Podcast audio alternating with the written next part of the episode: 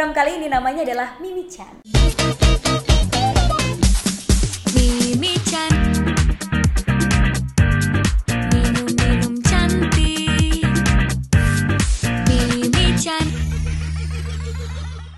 Oke. Minum-minum cantik. Makanya ini disediakan minuman di Tos. depannya, tuh supaya kita kayak chill gitu. Hmm. Hmm. Oke. Karena ngobrol kali ini nggak ada nggak ada listnya, nggak ada kayak mau ngomong apa ya gitu, nggak ada temanya. Jadi kita ngalor ngidul aja gitu ngobrol nggak ada temanya gitu. Cuma memang aku udah lama sih pengen nanya sama Kak Arif karena dulu aku itu termasuk warga Twitter yang ngikutin pocong G-nya tiga. Oke. Wah, anak lama ya ternyata. ya? Emang dulu bikin Twitter kapan? Aduh, awal-awal awal-awal 2013 kali ya, 2013. Iya, iya, iya. Eh enggak enggak, 2009 Aku 2000. 2009. Yes, 2009 2009. 2009 nih. 2009 2010 lah aku bikin. Kamu umurnya berapa? 2009? 4 13 tahun. Oh, udah 13 Ya tahun. Allah, aku 23 tahun loh sekarang. Oke. Tidak terlihat seperti 23 Oh, tahun. makasih. Itu I take that as compliment ya. Iya, iya. Nah, terus aku tuh sumpah ngikutin tapi nggak yang kayak fanatik gitu. Mm. Dan aku sampai sekarang masih bingung zaman dulu tuh pocong kenapa bisa seviral itu dan nge-tweet apa sih gitu. itu itu dari 2009. Cuman emang zaman dulu eh, yang main Twitter belum begitu banyak kan. Eh. Zaman 2009. Itu beda sama sekarang. Sekarang kan kamu kan followersnya Instagram buat 35 juta atau berapa gitu ya. Yang Aku lupa. eh, 34 jutanya beli di mana kemarin? anti anti beli beli klub. Cuman dulu eh, pas masih sepi main Twitter punya follower 5000 aja itu banyak banget. Hmm. Buat dapetin 10 ribu, 20 ribu, 30 ribu itu, itu zaman dulu susah banget. Udah susah banget. Nah kebetulan zaman dulu pas awal-awal main Twitter aku bisa dapat follower waktu tahun 2009 itu kayak sekitar 100 ribuan naik ke 200 Gila. ribu. Buat tahun itu itu hitungannya udah lumayan Hmm. karena eh, orang kan sekarang bilangnya seleb tweet. Tapi justru ketika itu istilah seleb tweet belum ada. Belum ada. Belum ada. Jadi kayak ya udah kita main Twitter rame gitu. Nah awalnya dari situ. Awalnya kenapa bisa kayak viral banget? Apa ya? Nggak tahu. Waktu itu kan bikin Twitter eh, identitasnya nggak ketahuan pakai nama pocong G-nya tiga gitu biar misterius aja gitu anonim gitu. Cuman eh, nge-tweetnya random bercandaan terus dulu kan zaman galau-galau gitu kan.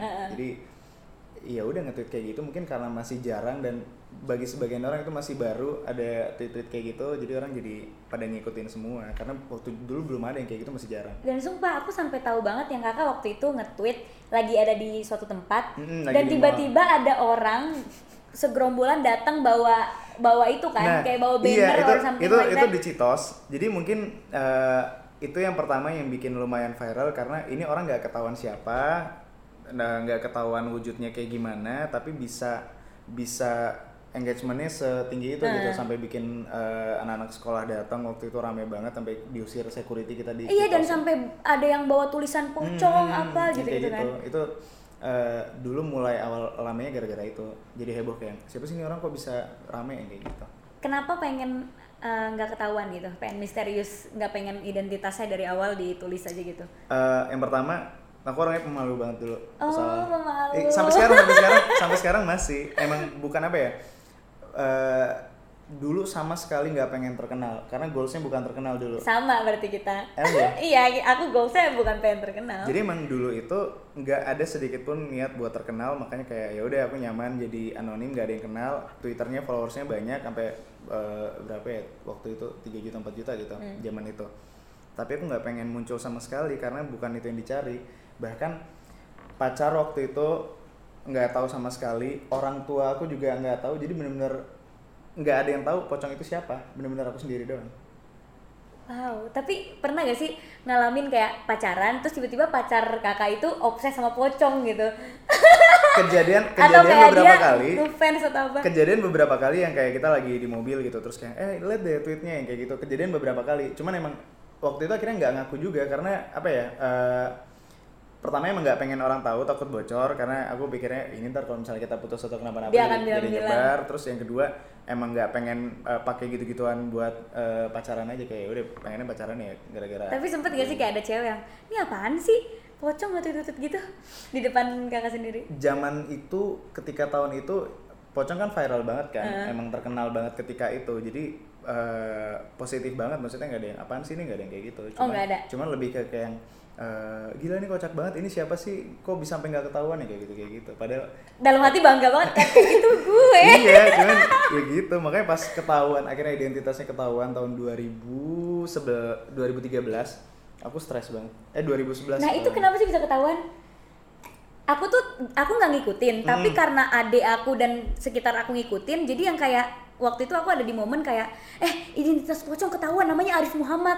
Aku sempet ada di momen itu dan aku yang kayak oh oke. Terus foto kakak bersebaran Hmm. di mana-mana gitu. Jadi nggak tahu jadi ada satu orang eh, dia kayak detektif gitulah dia nyari tahu ngerunut oh ini ini pocong sering nge-tweet tentang kampus eh, kayaknya kampusnya Trisakti terus ditelusurin terus eh, pokoknya dia bikin Wah, ini bikin- banget sih. iya dia bikin dia bikin blog itu khusus buat ngebongkar siapa pocong itu gitu eh itu waktu itu aku sampai sampai stres sampai nangis nangis beneran demi allah nggak bohong beneran nangis ketika itu. Karena nggak pengen ketahuan nggak pengen terkenal dan nggak siap nggak siap terkenal ketika itu.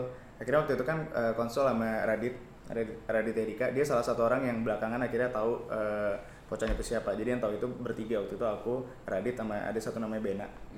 Eh, tanya nelfon Radit kan eh ini gimana nih gue kebongkar segala macam terus kayak ya udah lo nggak bisa mundur lagi soalnya itu udah terlalu spesifik buat mundur mau nggak mau ngaku aja kan. Kok Itu- bisa spesifik itu sih? itu itu aku stres tiga hari nangis nangis di rumah. Oh my god. Karena emang eh, soalnya jadi banyak yang sumbang waktu itu kan lagi waktu itu kan buku ngeluarin buku bukunya pecah tuh Hmm. rame. Eh, bukunya akhirnya mau difilmkan nah momen ketahuannya itu pas filmnya mau tayang. Jadi ada beberapa suara sumbang yang bilang ini gimmick kali biar promo filmnya segala macam yang bikin kesal adalah karena itu beneran bukan gimmick tapi dituduh sebagian orang nuduh aku itu sering banget kayak begitu. Ah, ah, jadi jadi kayak apa ya kayak sumpah demi Allah wallahi ini nggak tahu ini apaan yang ngebongkar siapa dan ini bukan settingan tapi orang-orang kayak beberapa kayak yang, oh itu settingan biar filmnya laku segala macam jadinya kesel banget jadinya. Kesel kan? Padahal Kayak- kita nangis-nangis juga dan nggak Ah, mau itu gimmick nah, juga. akhirnya tiga tahun yang lalu waktu itu aku lagi jadi speaker di eh, Unpad Jatinangor pas sesi Q&A tiba-tiba ada yang angkat tangan eh, kamu mau nanya apa enggak kan nggak mau nanya aku mau ngaku waktu zaman 2011 yang bongkar identitas pocong itu teman satu kosan aku katanya kayak gitu. Itu itu jantung gue kayak berhenti tau gak? kayak itu itu teman lo salah satu orang yang dulu gue benci banget. Tapi pada akhirnya ya aku bersyukur kayak kalau mungkin kalau dulu nggak ketahuan sekarang nggak kayak gini. Tapi sempat ada di momen kayak wah kurang ajar nih ngebongkar kayak beneran yang stres banget. Wah aku sebenarnya juga punya akun tidak tahu nama aku tapi sekarang udah aku hapus tapi Oh ya? di Tumblr Hmm, di Tumblr. Jadi aku punya Tumblr isinya puisi-puisi aku. Yang nggak nggak.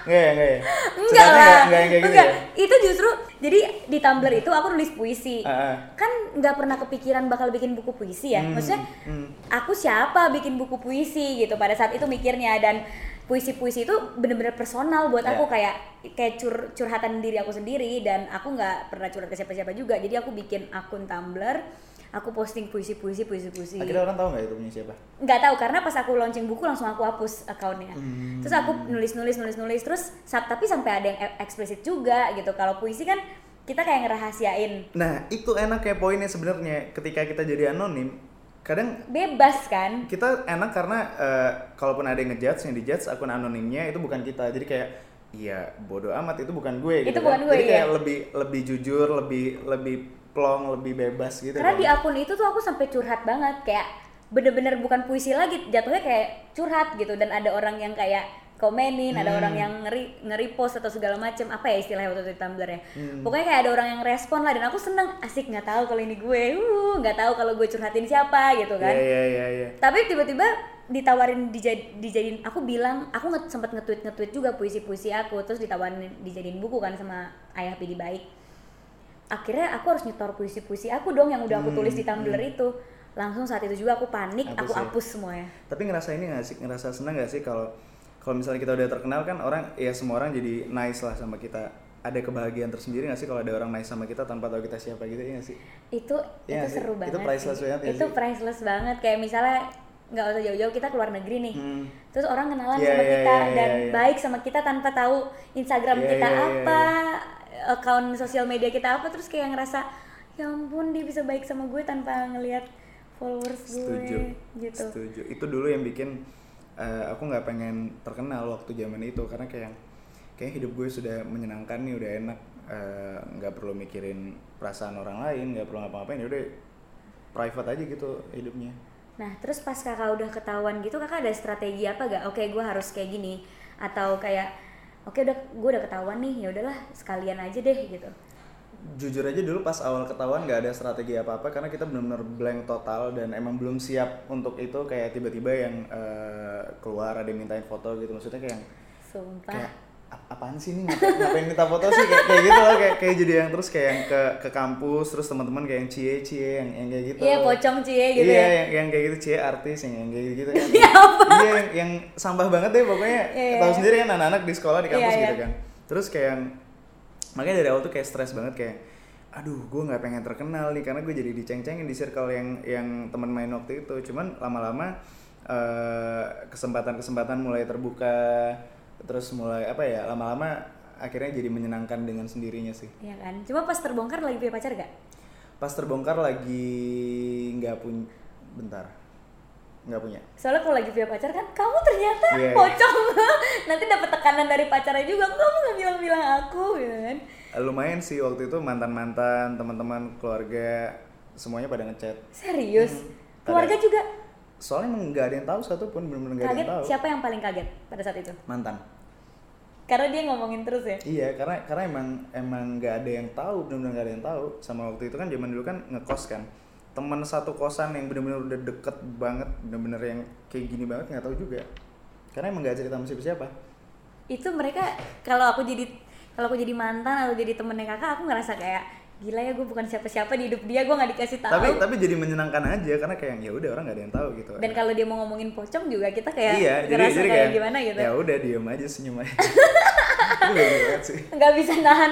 Pernah gak sih nggak bisa nahan ekspresi gitu pas lagi diomongin lumayan lumayan sih karena kan kadang kayak eh, atau pernah nimpalin malah. karena tuh waktu pocong itu apa sih gitu? zaman itu kan nge-tweetnya yang relate sama kehidupan eh, waktu itu kan. Jadi kan waktu itu pas lagi zaman zamannya masih ngampus jadi tweetnya juga tentang kampus. tentang kampus menujunya ke arah bercandanya di situ. Jadi kayak beberapa kali temen kayak eh kok ini sama sih si pocong nge-tweetnya tentang eh, ujian?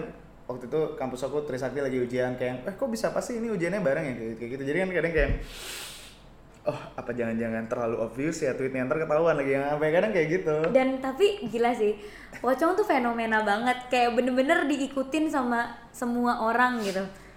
Cuman itu jadi bumerang sendiri karena eh, pada akhirnya ketika eh, dari Twitter pengen main sosmed lain justru aku pengen menghilangkan image pocong ngilangin total pengen rebranding jadi Arif Muhammad. Dan alhamdulillah sukses. Itu Iya. susah banget. Itu susah banget loh. Ngilangin image pocong itu susah banget loh iya ya. Karena udah udah segitunya orang kenal aku pertama kali pocong. Jadi ketika eh, udahan main Twitter bikin sosmed lain YouTube, Instagram segala macam pakai nama Arif Muhammad itu kan orang udah nggak ada yang kenal lagi kan? Karena orang waktu itu pocong. orang sukanya sama pocong bukan sama Arif Muhammad. Jadi Hmm. ketika pengen rebranding beberapa teman bilang kayak yang ih lu gila ya sayang banget eh, pocongnya udah terkenal gitu kan. Iya. cuman kayak yang pocong kan waktu itu buat main-main ya. Maksudnya Iya. Eh, aku tidak melihat ada masa depan di situ sih karena kayak enggak bukan ya akan terus gitu aja. Itu itu bukan apa ya bukan bukan aku yang sebenarnya gitu karena itu emang eh, persona aja yang dibikin tapi bukan bukan Arif Muhammad gitu. Berarti kayak- Arif Muhammad nggak pernah nge-tweet nge-tweet kayak pocong? Nggak pernah. Jadi punya Twitter dua satu Twitter pribadi. Twitter pribadi ya normal. Kalau pocong Kalau pocong kan? ya, iya. tetap gak sampai sekarang? Nggak udah udah nggak main Twitter lagi. Udah sekali sekali doang nge-tweet cuman udah nggak aktif lagi jadi sekarang Arif Muhammad nggak mau nggak nggak terlalu mau dikenal sebagai pocong. I mean pocong sangat membanggakan Iya, iya, tapi iya, iya. cuman cuman emang itu apa ya? Eh Iya proses aja emang dulu gara-gara itu. Cuman ketika 2014 itu kayak terakhir kali kayak udah deh gue stop main Twitter pengen jadi Arif Muhammad yang bener aja gitu. Eh, kakak ambil jurusan apa sih? Hukum banting setir ya bapaknya ini ya aku ambil aku ambil fakultas hukum lulus eh, ikut pendidikan lawyer ikut ujian lawyer lulus magang udah dilantik jadi udah jadi certified la- lawyer udah bisa buka kantor kayak Hotman Paris Nah ini yang bikin yang bikin penasaran ya. Kayak kakak kan sekarang malah bisnismen kan, bisnisnya di mana-mana gitu. Kayak sekolah hukum udah capek-capek. Aku semester 5 dapat hukum kan. Itu capek banget baca undang-undang, nyari celah. Kalau terus kan suka dikasih case kan. kalau dikasih case gini menurut kamu apa berdasarkan undang-undang pasal nomor segini-segini Ya. itu kan capek banget yang kayak kita harus baca terus bukunya tebel segala macam tiba-tiba malah buka bisnis gitu yang nggak pernah belajar yang namanya bikin budget Hmm. bikin strategi marketing strategi ya. marketing terus DMP decision making process itu kan nggak ada sama sekali di hukum so how you can tiba-tiba jadi bisa dan tiba-tiba kayak malah kayak sukses banget gitu di bidang yang Eh, nggak dikuasai sebelumnya apa ya kayaknya kalau jalur kehidupan kan nggak ada yang tahu ya Iya. Eh, mungkin emang jalannya ke situ aja sih dan waktu itu emang ngelihat kesempatan lagi kebuka kesempatannya di di Bisnis. ranah kreatif pertama kali kan emang sampai sekarang kan masih bikin konten Hmm. maksudnya pertama kali masuk ke dunia kreatif ketika udah lulus eh, fakultas hukum ngerasa apa ya kadang ngerasa minder juga. Karena teman-teman lulus fakultas hukum kerja di law firm di di Senopati di Sudirman pakai jas ke kantor. Keren banget gitu kalau ngepost di Instagram. Kayaknya kayaknya teman-teman gue bermasa depan deh. Kayak sementara sementara aku pakai pakai kaos yang nggak jelas. Eh, waktu itu pas masih struggling kayak eh, ya udah nggak jelas bikin konten segala macam dan ketika itu apalagi pas kayak awal-awal bikin YouTube youtuber belum terkenal orang nggak ada yang tahu apa itu youtuber ngapain bikin video YouTube Eh, secara image udah udah kalah jauh lah gitu kalau mau ngelamar anak orang pasti kayak kamu kerjanya apa youtuber kayak kayak Oh Iya, zaman dulu gitu kan kayak, "Hah, Iya, kayak kalau gitu kan. sekarang anak-anak cita-citanya jadi apa? jadi youtuber. Nah, cuman ketika dulu akhirnya aku memutuskan karena yang pertama kesempatannya lagi kebuka eh, dan yang kedua nyaman aja sih maksudnya akhirnya ketemu passion di sini emang ternyata bisnis itu enak gitu tapi tetap nggak ngelupain yang eh, pendidikannya tadi makanya tadi aku cerita ikut pendidikan hukum ikut ujian eh, lawyer segala macem itu bahkan ketika udah udah udah kayak gini gitu emang nggak mau ditinggalin hukumnya jadi sambil jalan Tapi bakalan nanti akan go pasti back gak? pasti Cuma- Pasti akan tiba-tiba buka kantor hukum gitu. iya cuman nanti ketika udah lebih berumur Really? karena kan lawyer itu menurut gue itu profesi yang yang eh, lo butuh respect dari orang-orang lo butuh Iya. dikenal orang Eh, apa ya menurut menurut aku itu akan lebih akan lebih eh, lancar kalau misalnya beberapa tahun lagi lah momentumnya belum aja Tapi ya kayak aku juga sih, kayak tadinya mau jadi dokter, dokter, kan? tiba-tiba kok jadi di dunia entertainment Eh. gitu. Kayak temen-temen aku tuh udah pada ngantor semua kan. Mm-mm. Kalau ngepost di Instagram. pernah sih kayak ngeliat ya kan iya, kayak kok seru banget mereka ngantor iya. gitu kan Heeh. Ngantor pakai kemeja rapi gitu. Terus aku yang lagi pada saat itu aku lagi syuting, pulang pagi, nginep gitu kan. apalagi di mata persepsi orang tua anak itu sukses kalau misalnya jadi pegawai negeri gitu kan. Exactly, yang tetap gitu kan. karena eh, orang tuaku kan pegawai negeri kan. Jadi waktu itu ketika udah ada di dunia eh, kreatif ini udah bisa beli rumah waktu itu udah bisa beli mobil tetap aja pas lagi makan bareng sama eh, keluarga. Karena orang tuaku nggak tahu apa yang aku kerjakan kan di di situ. Kayak yang cerita eh, ada tetangga temen aku juga kayak eh si ini baru keterima loh jadi jaksa gitu. Eh ini baru baru keterima loh jadi pegawai negeri gitu kayak Arif nggak mau nyoba terus oke Gitu. Eh, gila gue udah sampai kayak gini masih di compare gitu gitu maksudnya oh my god, itu yang jadi itu yang aku nggak rasakan sih? juga sih. Kayak tapi orang tua aku nggak pernah maksain aku sekolah. Cuma kalau di keluarga besar, kayak kayak gitu kan kalau di keluarga besar kayak eh, om tante aku semuanya kan S2. Hmm. Terus pada saat itu aku belum kuliah karena pas lulus SMA aku syuting sinetron tuh selama Hmm. tiga tahun. Syuting sinetron yang bisa dibilang banyak banget yang ngebully pada saat itu sinetron itu. Iya. Dianggapnya alay, dianggapnya dan peran aku juga di situ cewek yang berisik, annoying Yeah. gitu kan. Jadi orang tuh ngelihatnya aku sebagai cewek yang kayak gitu yang nggak mungkin nih orang pinter gitu, nggak mungkin nih orang sekolah nilainya bagus Iya, iya, iya, tahu iya. kan jadi kalau di meja makan lagi kumpul keluarga gitu ya opa aku selalu nanya kapan kamu kuliah kapan kamu Nah, kuliah kapan itu, kamu kuliah itu. cuman cuman aku akhirnya kayak yang malah jadi pengen nunjukin eh, orang itu suksesnya beda-beda. Jalan yang nggak harus di satu jalan doang kan. Jadi kayak ya udah gue bakal buktiin gue bisa hidup nih di dunia ini gitu. Ya aku juga waktu itu sebenarnya udah ngebuktiin kan kayak aku udah punya uang sendiri di dunia ini. Cuma tetap aja namanya orang tua yang pemikirannya Hmm. Iya, old iya, school. iya, iya, iya, kayak iya, iya. iya tahu kamu udah sukses tapi tetap harus sekolah gitu. Cuma itu cuma opa aku aja sih. Kalau papa mama tuh yang malah yakin kamu mau kuliah nanti nggak bisa bagi waktu Iya, iya, gitu-gitu iya. cuma tapi kalau tapi kalau itu aku setuju sih gue gue salah satu orang yang setuju karena kan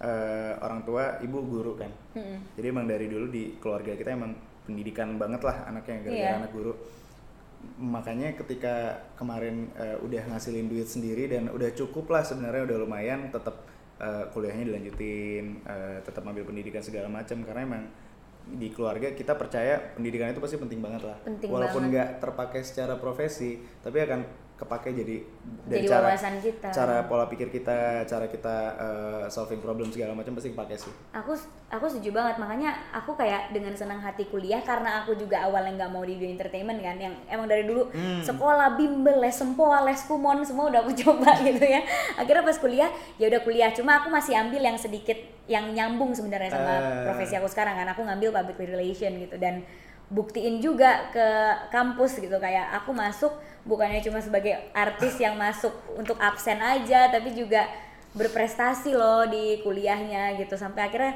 bisa buktiin ke orang tua kayak ya walaupun kita kuliahnya telat Ya, ya, ya. teman-teman aku udah pada skripsi semua cuma nggak ada nggak ada kata terlambat untuk Eh, menuntut ilmu. kamu gila sih tapi stripping dan kuliah itu nggak semua orang bisa sih aku juga udah mau gila sebenarnya justru justru aku yang pengen nanya itu bagi waktunya kayak gimana ya parah sih bisa belajarnya bisa bisa itu sih ambil kuliah weekend atau gimana waktu itu Enggak, aku aku Regular? regular. Serius? Sampai se- jadi di semester 2 itu, jadi aku yang cerita nih.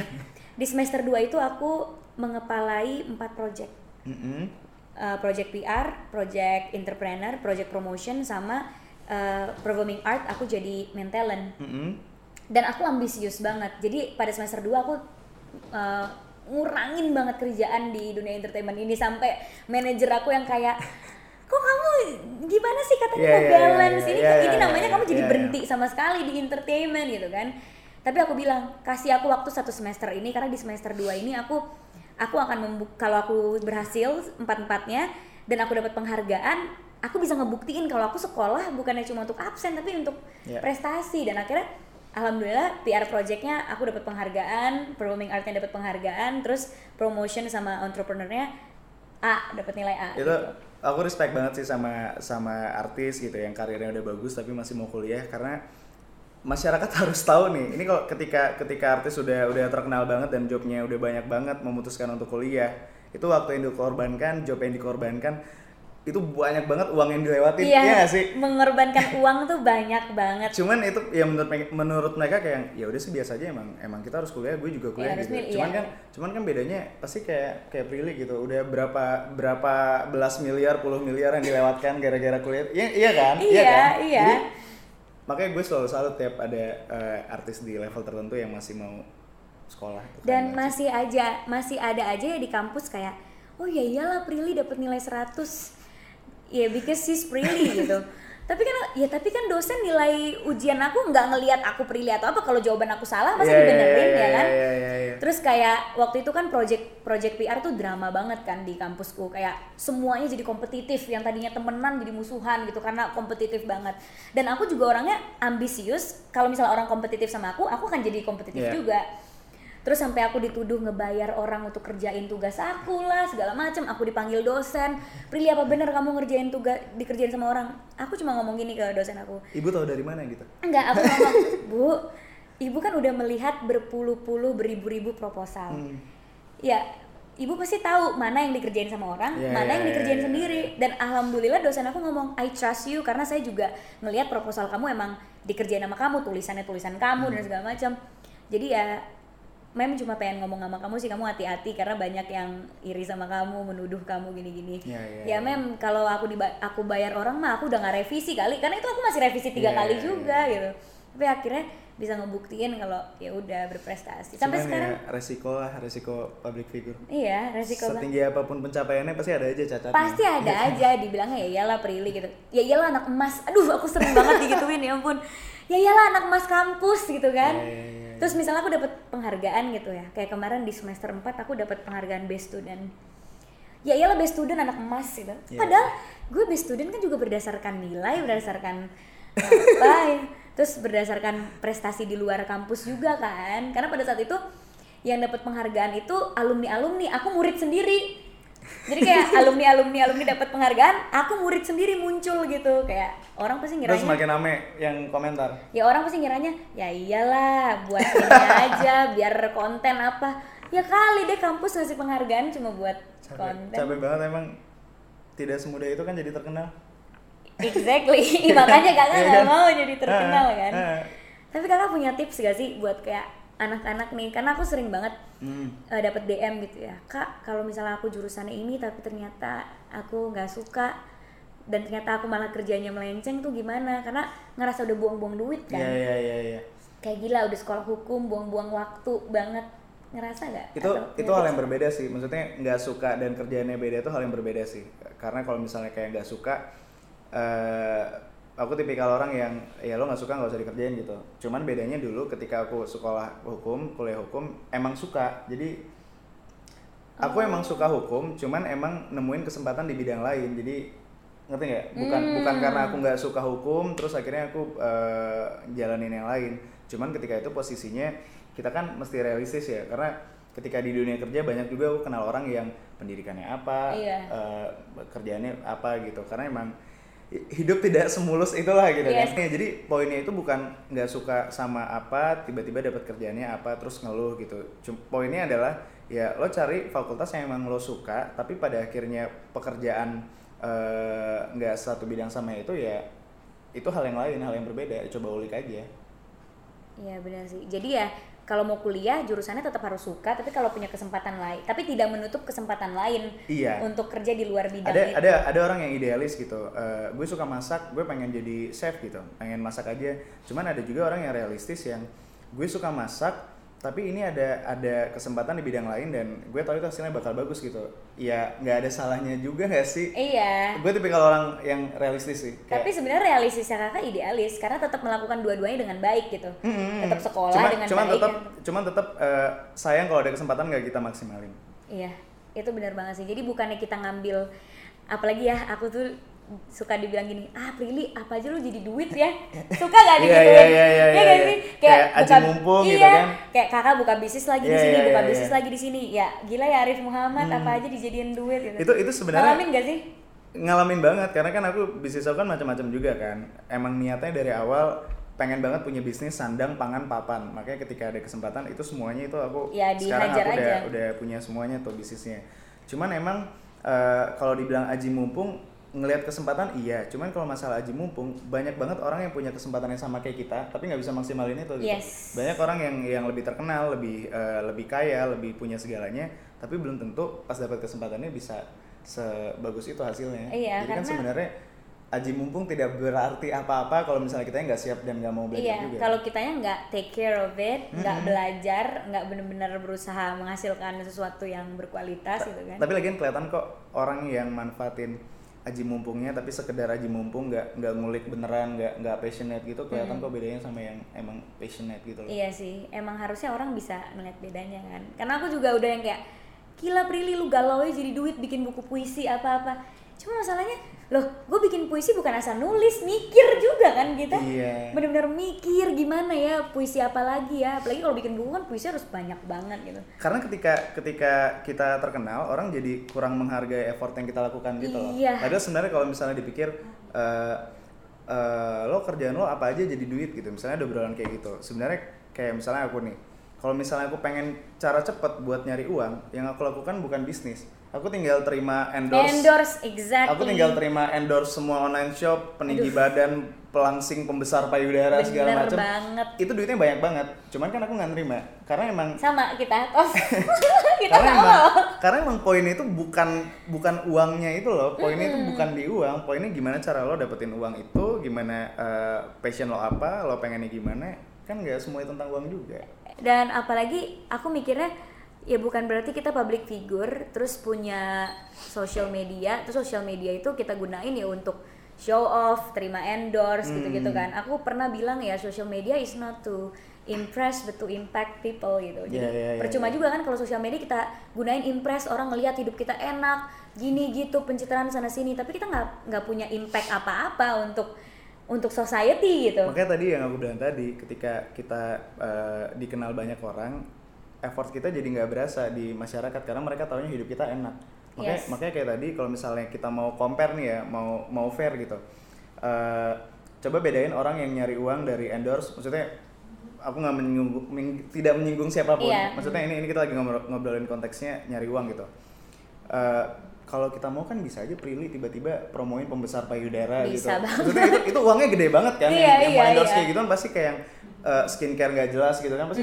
banyak banget yang mau endorse yang kan nggak tahu BPOM-nya gimana Nah, cuman kan kita menolak itu dan itu uangnya gede banget kan. Kita lagi Yes. ngobrolin ini kita lagi nolak miliaran loh ini lagi Iya, kita iya. tolak banyak karena mereka harus tahu kita emang nyari uang tapi nggak segitunya. iya Iya nggak sih? kita juga ny- kita bukan nyari menghalalkan segala cara untuk dapetin uang tapi kita juga harus lihat kalau kita misalnya kalau kita nerima endorse terus tiba-tiba produknya nggak bagus Iya. kita udah nyelakain orang Nah, lain kita gitu udah rekomendasiin produk itu gitu-gitu Iya. kan. Makanya eh, aku selalu respect kayak yang masih mau kerja, yang masih mau bisnis, orang-orang terkenal ya. Kita lagi ngomongin public figure yang masih mau capek-capek eh, syuting film segala macam padahal kalau kita bisa tahu aja udah cukup gitu ada ada selebgram yang pendapatannya penghasilannya bahkan mungkin bisa lebih tinggi daripada artis beneran gitu yang main film cuman kan emang ini bukan tentang uang doang Iya, tapi ya karena aku bilang tadi value itu nggak bisa dinilai dari berapa uang yang kita dapat, Hmm. tapi apa yang kita kerjakan dan itu impact gak buat people around us. Setuju. Gitu. cocok nih kita tes deh Sefrekuensi nih kita nih. Makanya kayak gini, aku nggak setuju ya sama sama eh, mungkin karena aku sekolah PR juga, jadi aku juga belajar Hmm. ini gitu. Orang yang bilang dasar artis pencitraan mulu kerjanya. Mm-mm. I don't really agree with that. Mm-mm. Karena kita bukan artis aja, kita perlu pencitraan. Yeah. Masa sih kita mau citra kita jelek di depan Yeah. orang? Gak usah artis deh, kita sebagai anak aja. Iya iya iya. Kita kan pencitraan depan orang tua Iya, kita. iya. Gak mungkin dong depan orang tua kayak, woi bro, gak mungkin dong masuk Iya rumah. benar benar benar benar. benar. Woi capek nih gue lempar tas nggak mungkin kita Hmm. di depan orang tua gitu di depan orang tua pasti assalamualaikum pak salim ya kan Mama papanya Prilly tolong ditonton ya tante Om.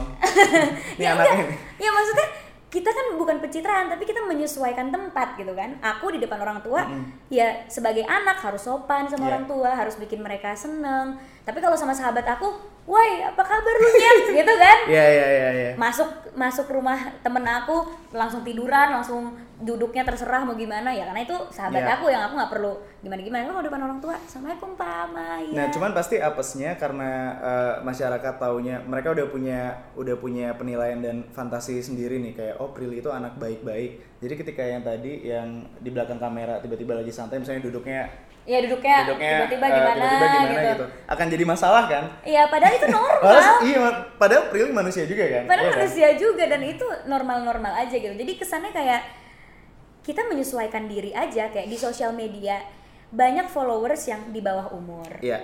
Banyak eh, banyak eh, anak-anak yang sebenarnya nggak belum boleh main Instagram tapi entah kenapa punya Instagram. Mm-mm. Jadi kita jadi kita sebagai public figure mau nggak mau harus terus posting yang positif dong supaya Iya. kalau ada anak-anak yang lihat dia tidak mencontoh yang hal-hal tidak baik atau tidak obses gitu itu sama itu itu itu aku setuju sih. Soalnya aku tiap pengen bikin konten aku selalu mikir kan ponakan aku banyak kan anaknya kakak kan. Dan Hmm. dia lagi di umur umur SD SMP gitu kan. Aku selalu mikir tiap pengen bikin konten ini ponakan pasti nonton nih. Jadi paling nggak gue harus bikin tontonan yang safe buat ditonton sama ponakan sendiri. Bener. Filternya udah gampang nih. Jadi tiap pengen bikin aneh-aneh oh nanti ponakan gue lihat ntar bakal gimana. Iya, contoh kecilnya aja deh, misalnya gini, aku jarang banget posting kalau lagi pacaran. Mm-mm. Karena aku tidak merekomendasikan itu ke anak-anak di bawah umur. Sedangkan yang nge-follow aku tuh anak-anak di bawah umur kayak aku udah umur 23, mungkin pacaran itu biasa aja. Tapi yang follow aku tuh anak-anak umur 13 tahun, 9 Iya, iya, iya, tahun. iya, iya. Aku nggak mau mereka itu nyontoh aku tiba-tiba mereka ntar pacaran sama teman SD-nya gitu. Gara-gara ngelihat Kaprili sama pacaran romantis, aku juga mau pacaran di sekolah gitu. Aku kan tidak merekomendasikan itu, makanya aku nggak posting eh, saat aku pacaran. terus dibilang gitu. pencitraan karena nggak posting pencitraan karena nggak posting gitu. Padahal kita ngejaga banyak orang gitu Iya, iya, kan. iya. Kalau Dan itu setuju. aku tidak pernah memposting hal-hal pribadi aku gitu. Karena nanti anak-anak di bawah umur ngelihat konflik aku gitu. Iya. Terus jadi ikut-ikutan, jadi ada persepsi yang nggak baik gitu. Buat Iya, iya. apa sih gitu. Makanya kadang ah, suka aneh gitu ya. Kita sebagai public figure udah kerja capek-capek gitu ya. Udah capek-capek kita menjadi baik gitu. Tapi cuma karena kita menjadi normal sehari, orang ngiranya itu udah jelek banget. itu itu salah satu alasan kenapa eh, aku bisnis. Jadi nih ya kalau misalnya kita ngobrolin nyari uang ya kayak yang tadi kita obrolin. Cari uang paling gampang itu dari sosial media. Let's say terima endorse gitu. Itu udah cari uang paling gampang. Eh, tapi beda nih ketika kita bisnis nyari uang 10 juta di bisnis sama nyari uang 10 juta di endorse itu bedanya kayak langit sama bumi kalau di endorse kita bisa dapat Sehari lah langsung. Iya, hitungan menit kita udah bisa dapat 10 juta deh gitu. Iya, Kalau hmm. misalnya di bisnis itu sampai sampai udah patah tulang, banting tulang Iya, segala macam baru dapat. Cuman jadinya effortnya beda dan lebih berasa gitu. Eh, aku mulai mulai menghargai uang ketika dulu nih pas zaman-zaman baru baru dapat uang dari sosmed jadi belagu banget. Dulu kan zaman Twitter nge-tweet kan ada tweet berbayar kan. Jadi kayak jadi kayak pas baru-baru bisa ngasilin uang tuh jadi kayak belagu gitu kayak oh ini harga handphonenya oh ini satu tweet gue doang oh ini harga sepatunya oh ini setengah tweet gue doang. Jadi jadi kayak gitu. Jadinya tengil banget. Iya, nah iya, iya. ketika ketika bisnis eh, itu yang ngeriset semuanya kayak yang oh nyari uang tuh Gila, susah, susah banget, ya banget, ternyata mm. gitu. Jadi kita kayak lebih menghargai uang gitu loh. Makanya ketika eh, ketika udah bisa untuk berbisnis dan segala macam emang aku dari dulu kan ngebatasin banget eh, nggak mau terima produk yang aneh-aneh lah buat di endorse milih banget. Dan akhirnya bisnis karena aku pengen apa ya eh, biar kita nggak lupa sense of nyari uang. Kalau Prilly kan berasa tuh syuting dari pagi sampai pagi Iya. berasa capeknya kan. Cuman kalau ada orang yang emang penghasilannya dari endorse doang nggak berasa capeknya karena endorse dapat uang endorse Iya, dapat uang. dapat jadi uang. apa ya eh, Jadinya eh, aku nggak menyalahkan orang kayak Iya, gitu, iya, nggak- cuma nyalain juga. kita kita dari tadi nggak ini, cuma hmm, pilihan hidup aja pilihan hidup aja. Cuma mungkin kalau kita yang ada di posisi itu, kita jadi nggak bisa menghargai uang dan nggak bisa menghargai orang. iya Jadi kayak jadi kayak semua gitu. bisa dibeli lah gitu kan. Mungkin kalau kita yang kayak gitu, makanya aku nggak nggak mau kayak gitu. makanya aku jadi relate karena berasa oh nyari uang ternyata susah gitu jadi nggak segampang itu juga dan kita jadi nggak boros kan. Iya. Jadi kayak mau beli ini Ah, tuh, gue boros sih tapi ya aku boros di hal-hal tertentu aja. nah setuju Ya kan? Iya. Maksudnya kita Itu boros tapi di hal-hal tertentu aja gitu kan. boros dengan penuh perhitungan lah Yes, aku boros nih.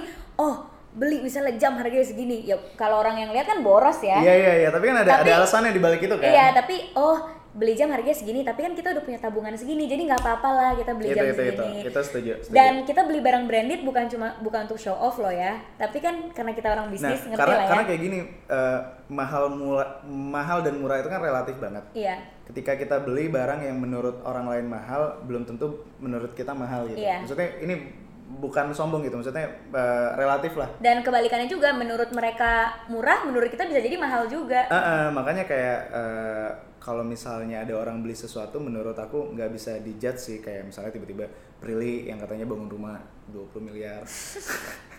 Mungkin buat orang itu mahal banget buat Prilly kayak cuman ah udahlah itu cuman sekian persen tabungan doang. Wede, dan Jadi- itu kerja keras juga loh. jadi jadi maksud aku nggak bisa disamaratain dan nggak bisa dijudge juga sih kalau orang belanja. Iya, ya dan kalau misalnya artis ada bajunya dari ujung kaki sampai ujung kepala branded ya mungkin menurut mereka itu receh doang gitu kan kita nggak tahu. Sama itu sebenarnya kebutuhan aku bisa bilang itu kebutuhan Yeah. gitu karena kita sebagai public figure bukannya kita mau mamer kita pakai barang Yeah. branded ya tapi kita itu bukan cuma berhubungan sama fans atau public kita kadang harus ketemu klien yes kita Ya, harus ya, ketemu ya, sama ya. klien dan klien itu dari banyak hal nih klien di bisnis klien Ya. di iklan kita harus ketemu sama investor nah penampilan itu sangat diperlukan Setuju, setuju. gitu itu, itu setuju sih karena gini kita membawa diri kita gitu Iya. gimana orang tuh bisa percaya sama kita bisa bisa kayak tahu kalau kita Iya, tuh iya, capable of doing that itu kan by look kan awalnya. Orang tuh nilai kita dari awal masa iya sih kita ketemu sama orang pakai baju ngasal gitu Iya, iya, kan? iya, iya, iya. Dan- jadi itu kebutuhan sebenarnya. Setuju setuju setuju. Kalau itu setuju. Bukannya yang gue artis gue harus pakai barang branded enggak juga. Ini Setuju. juga baju 100 ribuan gitu. Jadi kayak enggak Ya.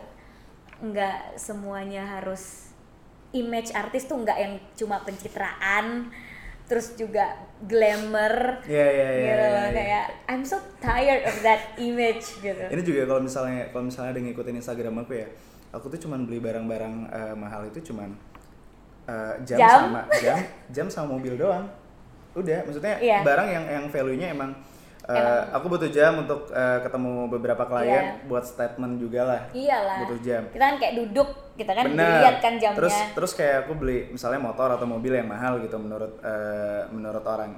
Karena aku butuh mungkin butuh masuk masuk ke circle tertentu, butuh butuh Hmm. eh, untuk pergaulan lah. Jadi kalau misalnya kayak kaos gitu kayak gue beli kaos yang 100.000 ribu yang maksudnya nggak nggak ngaruh Nggak juga ngaruh gitu. juga Jadi ya.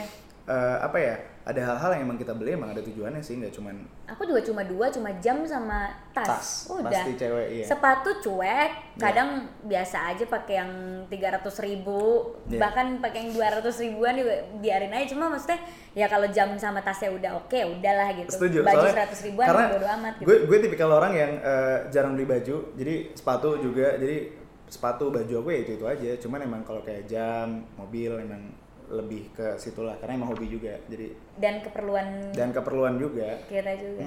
Nah ini sebenarnya konten ini ngebuka ngebuka mata orang banget sih. Kayak gila seorang Karif Muhammad bukannya cuma bikin konten doang tapi emang banyak banget yang diurusin. Dan sebenarnya kita udah banyak banget obrolan off the record nih ya. Yang ngebuat aku tuh kayak aduh kagum banget ya seneng banget hari ini ketemu. Karena aku ngerasa kayak yes finally ketemu sama orang yang sefrekuensi gitu. Aku aku justru juga ngelihat Prilly kayak yang gila jadi artis capek banget ya ternyata capek banget ya ternyata ya?